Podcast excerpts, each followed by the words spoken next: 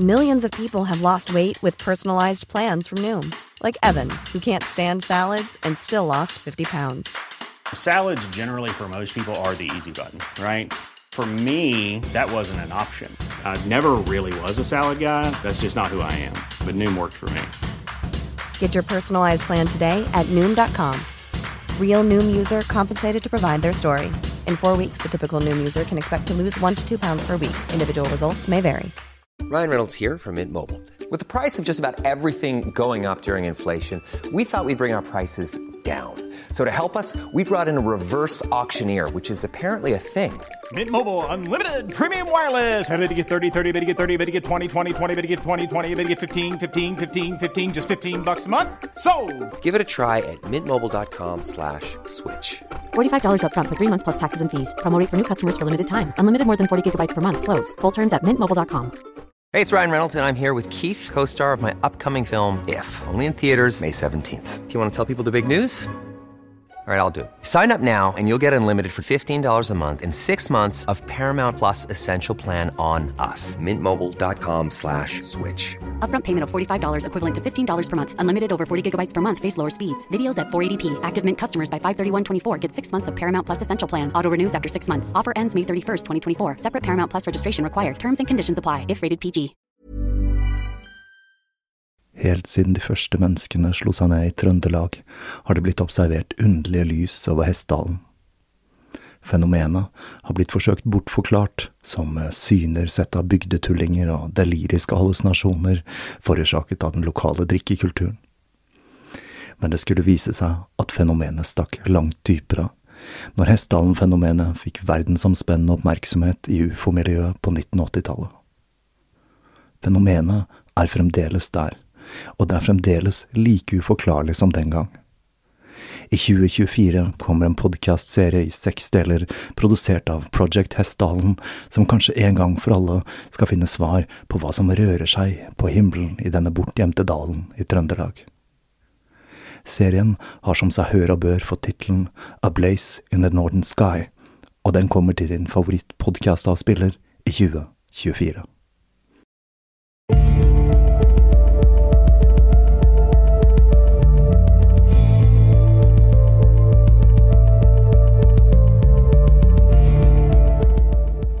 Hei og velkommen til eh, Tåkeprat. Jeg heter Even, og når jeg tar opp denne episode 208, er det onsdag den 11. januar 2023. Nå er tiden inne for årets første episode av Tåkeprat, og siden vi har hatt litt skikkelig vintervær her i høst, et vær som den siste tiden er blitt det reneste vårværet her på Østlandet, følte jeg at det var på tide å se litt nærmere på Englands forsøk på å finne Nordvestpassasjen. Episoden og seriene jeg har laget om ekspedisjoner, har en egen fanskare blant dere lyttere, og jeg er selv svak for den typen historier, spesielt om ekspedisjoner som gikk skikkelig galt. For det er tross alt det det er aller mest av, det er bare det at det er så sjeldent vi hører om dem. For meg så er det ikke stort å melde fra min lille julepause. Utover det at jeg lyktes med å tråkle meg gjennom Elden Ring, spillet som stakk av med tittelen Årets spill 2022. Det tok meg bare 104 timer, en god dose tålmodighet, og ikke minst veldig mye frustrasjon. Og med det bak meg så ser jeg fram mot et nytt podkastår som starter her med denne episoden, og som blir fulgt av en liveopptreden av meg på Drammen podkastfestival førstkommende onsdag. Jeg dukker opp på biblioteket Drammen og går på scenen 18.00. Dette er et gratis arrangement, så her er det ingen grunn til å bli hjemme om du befinner deg i området. Jeg må jo si at jeg er veldig spent på hva 2023 vil bringe. Nå som vi står på tampen av det nye året, så har jeg litt problemer med å bli kvitt følelsen av at vi er litt som de tidlige arktiske oppdagerne, og at vi står overfor enda et år fullt av ubehagelige overraskelser, det være seg nye pandemier, kriger eller inflasjon. Men selv om det er vanskelig å vite hva skjebnegudinnen har i vente for oss, er det én ting jeg føler meg sikker på at vi kommer til å se mer av i 2023, og det er kunstig intelligens. Det er min spådom for året som kommer. I flere år nå så har jeg kjørt mitt eget undervisningsopplegg om kunstig intelligens i barneskolen. Jeg er nemlig veldig sikker på at AI kommer til å spille en ekstremt viktig rolle i samfunnet i årene som kommer. Jeg bruker da den engelske forkortelsen AI, jeg. Jeg føler meg litt mer komfortabel med den, så får dere språkpurister bare holde ut så godt dere kan. Allerede så benytter de store nettselskapene som Meta og Google seg av AI til personanalyse for å selge oss skreddersydd reklame. I TikTok sitt tilfelle så tør jeg ikke helt tenke på hva dataene brukes til når de havner i hendene til CCP. 2022 var året der den såkalte AI-kunsten ble allemannseie, og jeg registrerer at mange av mine venner i kunstverdenen gikk fullstendig av skaftet når illustrasjonene til programmer som Dali og Lensa begynte å gå sin seiersgang på nettet. La meg gjøre det helt klart. Jeg anser ikke illustrasjoner laget av AI som kunst, men som nettopp illustrasjoner. Kunst det krever kreativitet, og jeg vil kanskje strekke meg så langt som å si guddommelig inspirasjon. Store ord fra meg her, altså. Men det er ikke til å stikke under en stol at AI klarer å hoste opp ganske så imponerende greier, og at en del illustratører nok kommer til å slite økonomisk når det blir mulig å benytte seg av maskinelt fremstilte illustrasjoner framfor menneskeskapte. Men dette er jo bare et bitte lite forvarsel om hva vi har i vente.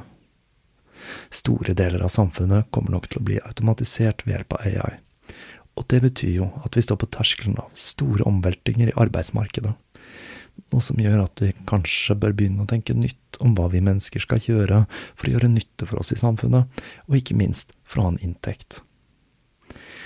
I tillegg kommer vi nok til å se at det blir en større utfordring å skille mellom fakta og fiksjon, og jeg ser for meg at store deler av nettet i framtiden vil være maskinskapt. Vi har allerede begynt å se på fenomener som deepfake, og det er ikke så vanskelig å se for seg at det om kort tid vil være så å si umulig å skille mellom ekte og falske snutter på nett, og det er da plattformer som TikTok virkelig begynner å bli skumle. Det er derimot en ting jeg ikke er spesielt redd for. Det er mange futurister som frykter dagen AI skal bli bevisst. Bevisstheten er jo et av de store mysteriene. Er bevissthet et epifenomen av komplisert nevrologi, eller er det noe annet? Det er det store spørsmålet. Jeg hører hjemme i leiren som mener at det dreier seg om noe annet, og jeg tror ikke det vil være mulig å gjenskape bevissthet med en binær kode. Dette er selvsagt bare min mening, men jeg er mer bekymret for villedelse av den oppvoksende generasjon med algoritmene til TikTok eller lignende, enn for at vi skal havne i et Terminator-scenario. Men nå skal vi til en tid der den typen bekymringer var ikke-eksisterende, og hvor mer jordnære utfordringer, som sult og kulde, sto på dagsordenen.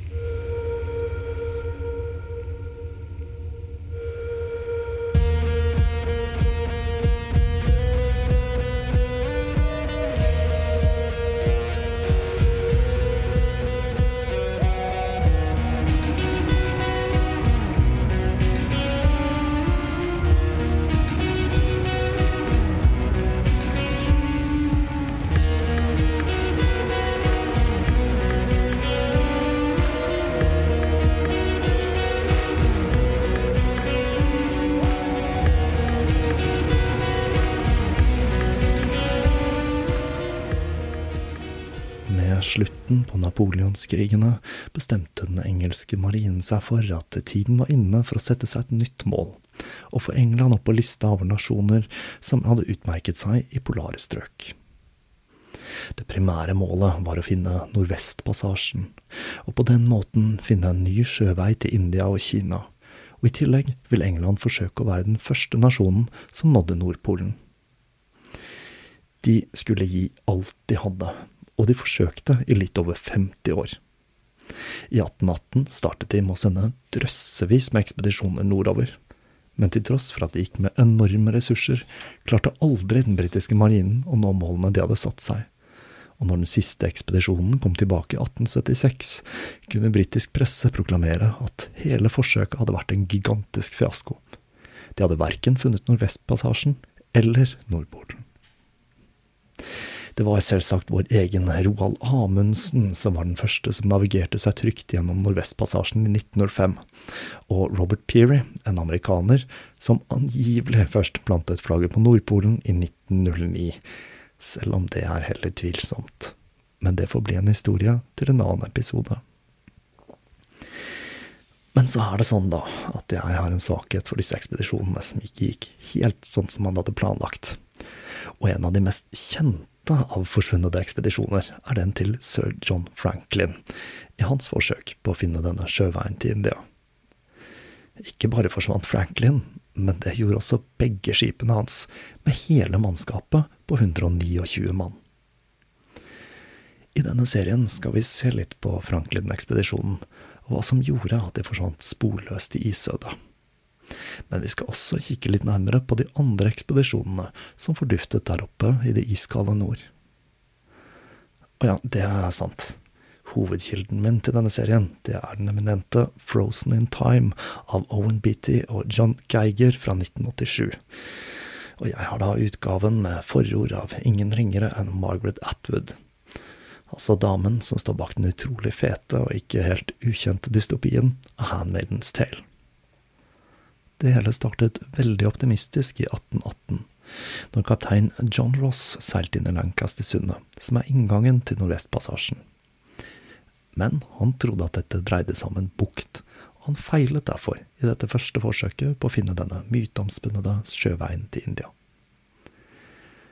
I 1819 ble den da 28 år gamle William Edward Parry sendt av gårde med to skip, Hekla og Griper. Parry kom også til Lancaster-sundet, og når en frisk vind blåste ham vestover, oppdaget han at det slett ikke dreide seg om en bukt, og han kunne se en langstrakt, uutforsket kanal som åpenbarte seg foran han. Parry hadde flaks, og vinden førte skipet hans raskt vestover gjennom kanalen som vanligvis var blokkert av is, selv på sommerstid.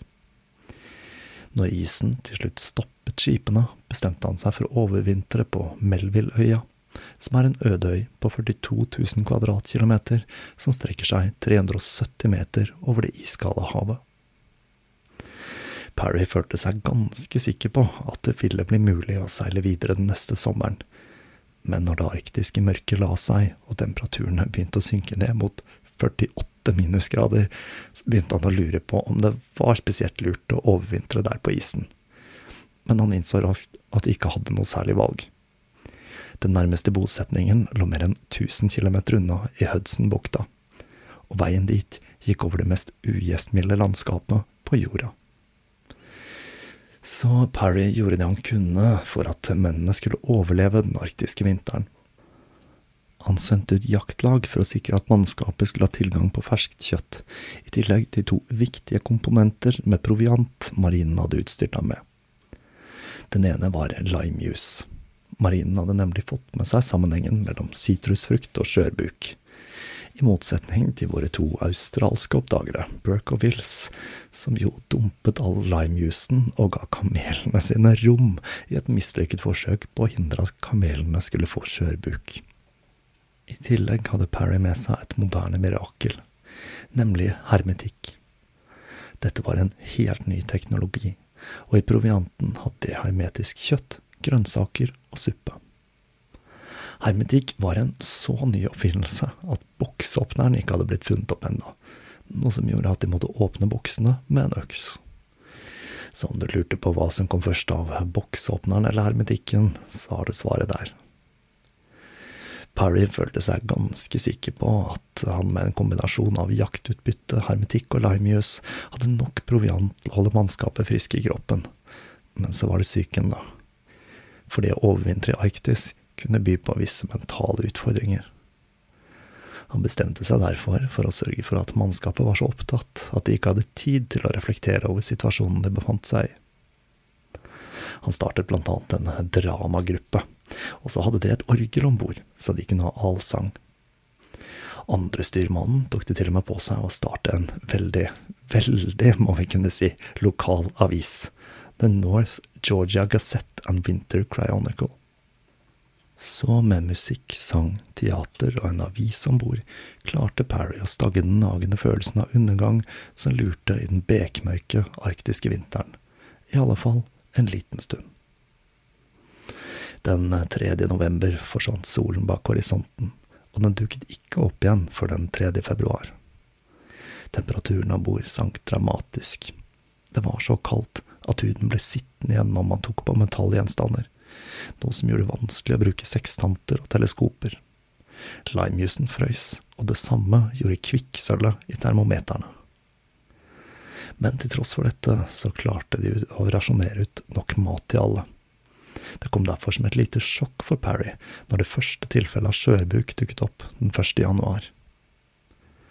Her bør vi kanskje se litt nærmere på hva skjørbuk er for noe, for denne sykdommen skal spille en ganske så sentral rolle i fortellingen vår. Skjørbuk er en sykdom som skyldes C-vitaminmangel. Til å begynne med gir den symptomer som tretthet og kortpustethet. Disse symptomene blir fulgt av muskel- og leddsmerter, at tenna begynner å løsne, og blødninger under huden. I tillegg brukes sår lengre tid på å gro, og alt dette skyldes at kroppen ikke lenger klarer å danne bindevev når den ikke klarer å lage proteinet kollagen av C-vitaminmangel. Og denne sykdommen er ikke bare bare. Til syvende og sist så dør man av hjerne- eller hjerteblødning. Dette var en fryktet sykdom, og spesielt blant sjømenn, siden kostholdet til sjøs stort sett besto av saltet kjøtt og tørt brød. Vi finner sykdommen omtalt i våre egne sagafortellinger tilbake til 900-tallet. Folk i vår del av verden led ofte av kronisk C-vitaminmangel, siden det meste av mat var tørket, saltet, røkt eller kokt. Og C-vitamin tåler dårlig varmebehandling, noe som gjør at det å legge ut på sjøen, hvor kostholdet var enda skralere, var mer eller mindre en sikker oppskrift på å få skjørbuk. Det var faktisk to norske professorer, Theodor Frølich og Axel Holst, som skulle oppdage sammenhengen mellom skjørbuk og C-vitamin men det var lenge etter Englands forsøk på å finne Nordvestpassasjen. Parry ble altså sjokkert når han oppdaget at en blant mannskapet begynte å få symptomer på skjørbuk. Og for å forhindre at det ikke skulle spre seg mismot blant mannskapet, forsøkte han å skjule matrosen med symptomene, og han begynte å dyrke karse og sennep på rørene til sentralfyren i skipet som han ga til den syke mannen. Dette hjalp, og symptomene ble raskt borte. Parry var lettet men det skulle ikke gå så veldig lang tid før flere begynte å få de fryktede symptomene, og etter hvert fikk halvparten av mannskapet på 94 symptomer på skjørbuk. Dette var heldigvis mot eh, slutten av vinteren, og når mannskapet observerte flokker med ryper, fikk besetningen igjen tilgang på ferskt kjøtt. Totalt sa de hatt tilgang på 1710 kilo kjøtt under overvintringen, og når snøen begynte å forsvinne, så Parry at det vokste gaukesyre på øya, og han beordret mannskapet til å samle den inn og rasjonere den blant mennene. Kun én mann døde under den 17 måneder lange ekspedisjonen, og Parry skulle bli den som kom nærmest å finne Nordvestpassasjen på de neste 30 årene. Når de kom tilbake, proklamerte skipslegen til Parry at provianten de hadde hatt med om bord, var en viktig faktor for at de hadde klart å overleve. Det samme gjorde assistenten hans, og han sa at det var hermetikken som gjorde at mannskapet hadde overlevd. Dette gjorde at den engelske marinen ble oppmuntret til å satse enda hardere på hermetikk, og at de så på dette som en måte å sikre mannskapene sine mot skjørbuk på. Utfordringen var jo at dette dreide seg kun om anekdoter. Det at mannskapet hadde hatt tilgang på ferskt kjøtt og ikke minst gaukesyre, ble ikke nevnt med et ord. Den engelske marinen var trollbundet av denne nye teknologien. Det var hermetikk, og hermetikk alene, som muliggjorde lange sjøreiser uten den fryktede skjørbuken som konsekvens. Men det var langt fra alle som delte entusiasmen til den britiske marinen for hermetikk. John Ross hadde måttet pensjonere seg etter tabben når han trodde Lancaster-sundet var en bukt, og han måtte se på fra sidelinjen mens Parry ble en polarhelt, og Parry foretok to polarekspedisjoner til etter dette forsøket på å finne Nordvestpassasjen. På den siste ekspedisjonen hans hadde han mistet en skute, Fury, og mens Parry kom seg etter det nederlaget, kastet Ross seg inn i racet om å finne Nordvestpassasjen på ny. Han fikk kjøpt seg et brukt dampskip, Victory, som han utstyrte med nymotens teknologi og et mannskap på 23 med økonomisk støtte fra en velstående gin-magnat, faktisk. Den 6. august 1829, etter rapporter om en usedvanlig varm sommer, tøffet skuta hans inn i Lancaster-sundet. Sundet som en gang hadde frarøvet ham anseelsen han hadde hatt i den britiske marinen. Ross presset på fram til været ble så dårlig at de så seg nødt til å overvintre på et sted Ross døpte Felix Harbour. Lite visste de at dette var den første av totalt fire vintre de kom til å tilbringe i Arktis. Når isen endelig slapp den neste sommeren, tøffet de videre, men de kom ikke lenger enn fem kilometer før isen igjen omsluttet skuta. De ble sittende dønn fast og så til slutt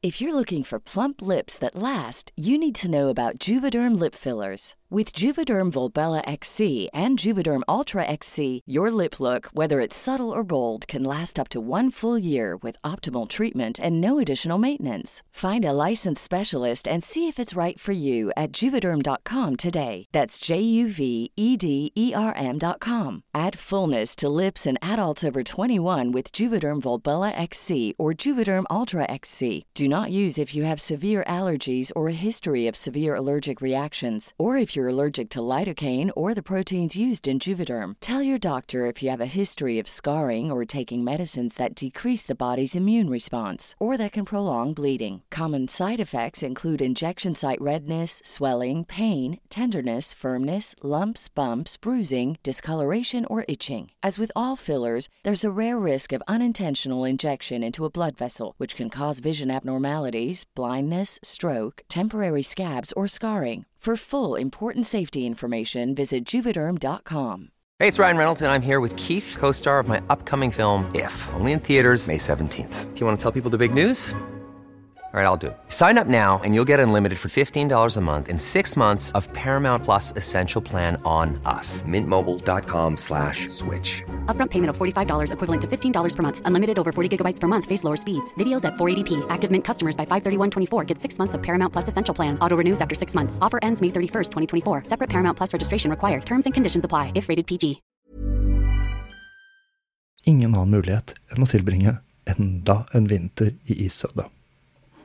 Den vinteren la Ross sin nevø, James Clark Ross, ut på en sledetur som skulle sørge for at James fikk sin plass i historiebøkene som den som oppdaget den magnetiske Nordpolen. Og det fjerneste punktet han nådde på denne turen, kalte han for Victory Point. Når James kom tilbake til resten av ekspedisjonen, sa han stolt at nå kunne de dra hjem igjen og leve lykkelige resten av sine dager. Men når sommeren kom og isen smeltet, klarte skuta kun å seile 6,5 km før den igjen satt fast i isen. Ting så rett og slett skikkelig svart ut. Ross innså at de nå risikerte å kunne vente enda en vinter og håpe at det kom seg løs neste sommer, eller legge ut på en strabasiøs ferd på 480 km i isødet. Han bestemte seg for å forsøke seg på isen.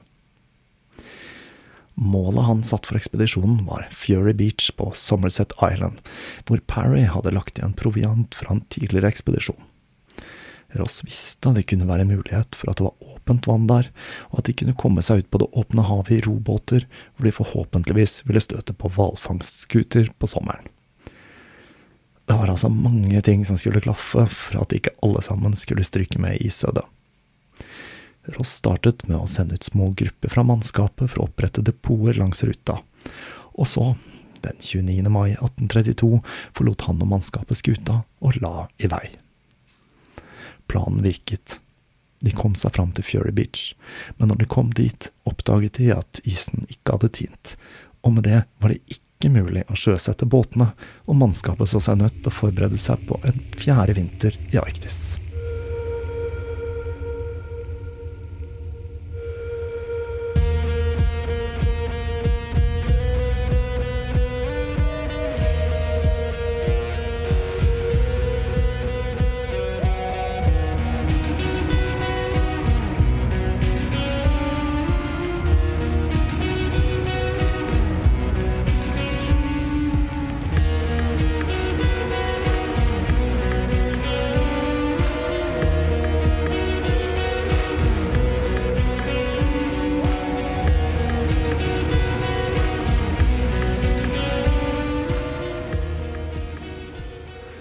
Bygde et skrøpelig hus av tømmer, som Ross, til tross for den skrale konstruksjonen, døpte Somerset House. Og så gjorde han en del ting som kom til å sørge for at han ble husket, men ikke fullt så ålreit fyr i ettertid. Han innførte nemlig et klasseskille i dette Somerset House. I den ene delen av huset var mannskapet, og forholdene der var ekstra kummerlige og trange, mens offiserene hadde sin egen og langt mer romslige del av det provisoriske huset.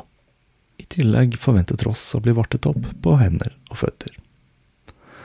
Maten de hadde, ble rasjonert, og den besto stort sett av tørket kjøtt, hermetisk turnips og kålrotsuppe. Den eneste ferske maten de hadde, var de gangene de klarte å skyte en rev, eller en sjelden gang en hare. Revemiddagene var ekstra ettertraktet, og de spiste dem på søndagene. Og når en rev ble regnet som luksusmat, da vet man at det ikke sto spesielt bra til kulinarisk der i gården. Symptomene på skjørbuk begynte snart å dukke opp. Den første som døde, var snekkeren. Han døde i februar 1833. John Ross begynte selv også å utvikle symptomer, og gamle sår på kroppen hans begynte å åpne seg siden den ikke lenger klarte å danne arrvev. Men til tross for de begredelige forholdene i Somerset House, så overlevde John Ross, og mot slutten av sommeren hadde isen smeltet tilstrekkelig til at de kunne sjøsette båtene. Den 15. august 1833 la de ut på det åpne havet, og etter ni dager så de seilet det fjerne. De rodde som gale mot seilene i horisonten, men til ingen nytte. Etter noen timer forsvant det. Håpet ble tent på ny da det dukket enda et seil opp, men det samme skjedde igjen. Frykten for at de hadde overlevd fire vintre i det mest brutale området på jorden, for så å få gå på havet, la seg som en klam hånd over mannskapet. De fortsatte å ro mot det punktet i horisonten der de hadde sett seilene forsvinne, og når vinden løyet, fikk de igjen øye på det. Til slutt nådde de fram til skipet, som firte ned en livbåt. Matrosen som tok dem imot på fartøyet, så sjokkert på dem når de fortalte hvem de var. Han sa at kaptein John Ross hadde blitt rapportert død for to år siden. Ross så på ham, smilte og sa, ryktet om min død er sterkt overdrevet. Mannskapet til Ross var skitne, skjeggete beinrangel, men det var i aller høyeste grad i live. Ekspedisjonen til John Ross var en spektakulær bragd. Han hadde klart noe mange mente var umulig. Grunnen til at mannskapet hadde overlevd fire vintre i Arktis, var at Ross hadde tatt lærdom fra inuittene. Han hadde sett hvordan de overlevde der i utkanten av verden, og han hadde derfor erstattet mye av den hermetiske og tørkede provianten med ferskt kjøtt og fisk. Det var kun mot slutten av ekspedisjonen, på Somerset Island, hvor det var vanskelig å oppdrive fisk og vilt, at symptomene på skjørbuk hadde begynt å vise seg. Til tross for det er John Ross kun en sidenote i historien om arktiske oppdagere. Det skyldes nok at han var en litt uspiselig person. Som vi så, så hadde han et strengt klasseskille, og det drev han med selv om de overvintret i et improvisert spartansk trebygg. Ross var i tillegg til å være veldig opptatt av rang og klasse, en tykkfallen og irritabel mann, og han hadde en egen evne til å irritere mannskapet sitt. For eksempel så pleide han å skru ned varmen på skipet når det overvintret for å forhindre kondensasjon. Det gjorde selvsagt at mannskapet klaget, og Ross sitt svar på det var å skryte av hvor godt han selv tålte kulde, og hvor god kroppen hans var til å holde på varme. En fra mannskapet hans skulle senere skrive en bok om Ross, The Last Voyage of Kaptein Ross, hvor han ga sin tidligere kaptein glatte lag. Men til tross for at han var en uspiselig type, så var altså Ross inne på noe når det gjaldt å lære fra inuittene. Kaptein George Back med sin arktiske ekspedisjon fra 1836 til 37 er en av de som nok kunne ha lært litt av Ross. Back var en veteran i Arktis, han hadde vært med på tre ekspedisjoner i The Barren Lands i Canada. Området vi husker vår helt Jack Hornby bygde sitt renommé som en villmarkens sønn, hvor han til slutt dro med seg nevøen sin på en siste reis hvor han muligens var litt preget av å ha syfilis. George Back var litt av en type. Han var kjent for å være en dandy som var svært glad i damer, og han drev i tillegg med vannmaling og dikt. Han la i vei mot Arktis den 14. juni 1826. Planen var å dra til Repulse Bay og sende sledeekspedisjoner til Melville-halvøya for å utforske vestkysten der. Skipet hans het Terror, og for de av dere som fikk med dere Tåkeprat-liven om nautiske myter, så vet dere at det å kalle et skip for terror, det er ikke en spesielt god idé. Skipet ble sittende fast i isen omtrent med en eneste gang, og Back var så redd for at skroget skulle briste under trykket fra ismassene, at han beordret at all proviant skulle lagres på dekk, slik at de kunne redde den om det skulle skje. Det samme gjaldt mannskapet, som måtte sove fullt påkledde på dekk, i tilfelle de måtte forlate skipet. 14 dager etter de hadde slaktet det siste levende dyret de hadde med seg, brøt det ut en mystisk sykdom om bord. Den 26. desember skrev Back i journalen sin at mannskapet hadde blitt rammet av sløvhet og treghet. Back konkluderte med at mannskapet var i ferd med å utvikle skjørbuk, han økte derfor rasjonene av hermetikk og limejus. Men tilstanden til mannskapet ble stadig verre. Den 13. januar hadde de det første dødsfallet, samtidig som ti av mannskapet hadde fått underlige symptomer. En matros ved navn Donaldson hadde begynt å bable usammenhengende, og en annen ble rammet av kraftige svimmelhetsanfall, og uansett hvor mye hermetikk som ble porsjonert ut, så det ikke ut til å hjelpe.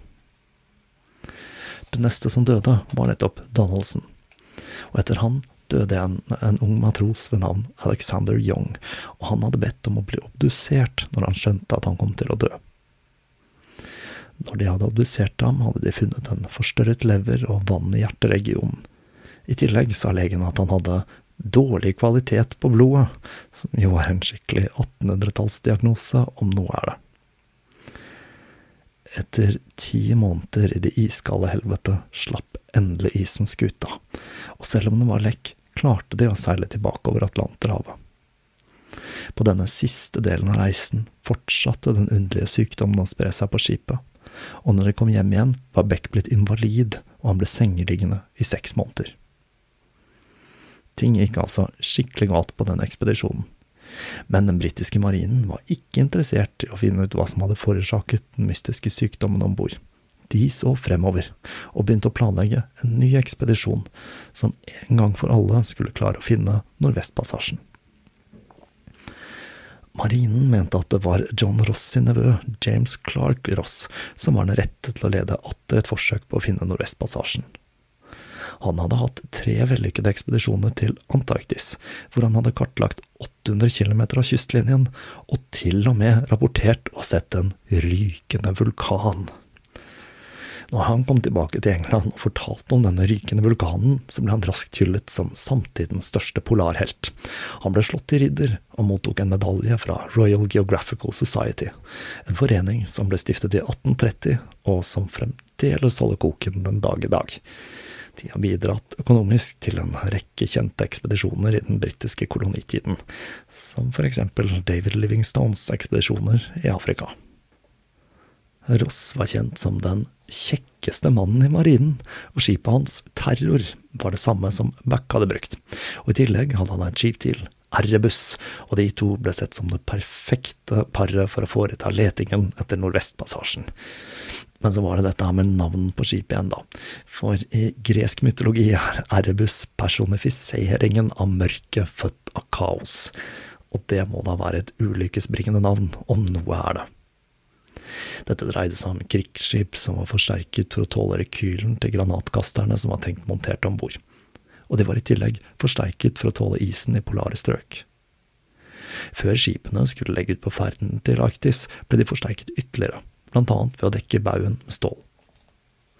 Skipene fikk også installert sentralvarme, slik at mannskapet kunne holde varmen i den arktiske vinteren, og på toppen av det hele så satte de inn et helt lokomotiv i hver båt, Det demonterte hjulene på lokomotivet og satte på propeller til nødbruk. Dette var den best utstyrte ekspedisjonen marinen hadde sendt av gårde noensinne. Men så skulle det skje noe som satte hele prosjektet på vent. James Clark Ross nektet nemlig å dra. Han hadde nemlig lovt kona si at han aldri skulle dra på en polarekspedisjon igjen, og i tillegg så hadde han visstnok utviklet et ikke helt ubetydelig alkoholproblem. Ledelsen snudde seg rundt for å forsøke å finne en annen som kunne overta ekspedisjonen, og valget falt på den aldrende veteranen sir John Franklin. Franklin var 59, og han ble av de fleste regnet som for gammel til å lede en ekspedisjon. Men siden han var en av gutta boys i marinen, og det ble sagt at han kom til å dø av skuffelse om han ikke fikk lede ekspedisjonen, så fikk han til slutt lov til å lede den. Franklin ble født den 16. april 1786 i Lincolnshire, og han hadde blitt med marinen allerede som 14-åring. Han hadde vært med i en rekke slag i napoleonskrigene, inkludert selveste slaget i Trefalgar, slaget som ga den britiske marinen dominans over verdenshavene de neste hundre årene. Når Napoleon til slutt tapte krigen, måtte marineoffiserene se seg om etter andre områder de kunne utmerke seg på, og ekspedisjoner i Arktis var en fin måte å fremme seg i fredstid på. Franklin hadde kastet seg over den muligheten i 1818, når han ble med kaptein David Buchanan på en mislykket ekspedisjon det året. Året etter, i 1819, ble han med på en landekspedisjon hvor de skulle kartlegge den uoppdagede amerikanske arktiske kysten. Franklin gjorde godt, han, og kartla 340 km med kystlinja. Men turen hjem, som gikk over den canadiske tundraen, skulle vise seg å bli strabasiøs. Det var en ferd preget av sult og kulde, og mennene så seg nødt til å forsøke å overleve ved å spise skosålene sine og karibuekskrement. Ti menn døde under ekspedisjonen, i stor grad på grunn av Franklins manglende erfaring med polare strøk. Franklin holdt selv på å sulte i hjel før hjelpen kom, men da han kom tilbake til London, var det som en helt, og han ble kjent som mannen som spiste støvlene sine. Etter dette ble han forfremmet til kaptein, og i perioden 1825 til 27 dro han tilbake til Arktis, og han klarte å kartlegge enda 640 km med kystlinja. For denne bragden ble han slått til ridder, og han fikk stillingen som guvernør av van Diemens land, i dag kjent som Tasmania. Og etter seks år som guvernør ble altså mannen som spiste støvlene sine, satt til å lede den mest omfattende ekspedisjonen til Arktis England hadde klart å stable på beina fram til da.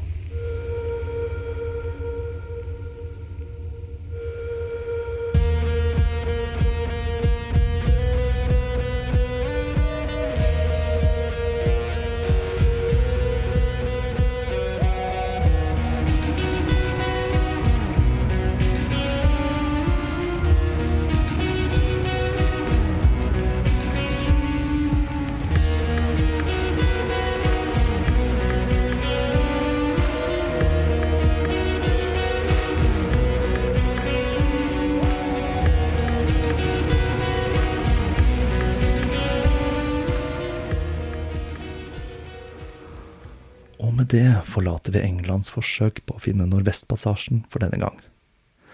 Nå er det vel ikke akkurat noen stor spoiler at det ikke går så veldig bra med ekspedisjonen til Franklin, men det er akkurat den typen ekspedisjoner det blir bra podkastmateriale av. Helt til slutt hadde jeg tenkt til å sutre litt her på begynnelsen av det nye året.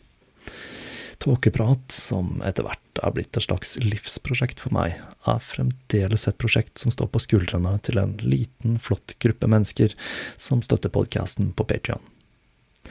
Jeg anser ikke denne podkasten som et hobbyprosjekt, men som en jobb, og jeg behandler den deretter. Dessverre så er jeg ikke engang i nærheten av å ha nok inntekter fra podkasten til å kunne leve av den alene. I høst startet jeg en ny jobb ved en ny skole. Dette er en svært givende jobb, men det er ikke til å stikke under en stol at den suger ganske mye energi fra meg, og jeg ble litt overrasket når jeg oppdaget at jeg ikke har de vanlige skoleferiene i denne nye stillingen, siden Oslo-skolene har et akstilbud i alle ferier, og jeg tydeligvis har skrevet under på at jeg skal jobbe i samtlige utover sommerferien. Jeg må tydeligvis bli litt bedre til å lese det med liten skrift. Jeg blir til stadighet spurt om hvordan jeg klarer å sjonglere mellom podkastjobb og familie, og jeg må si at det er noe jeg lurer på selv også.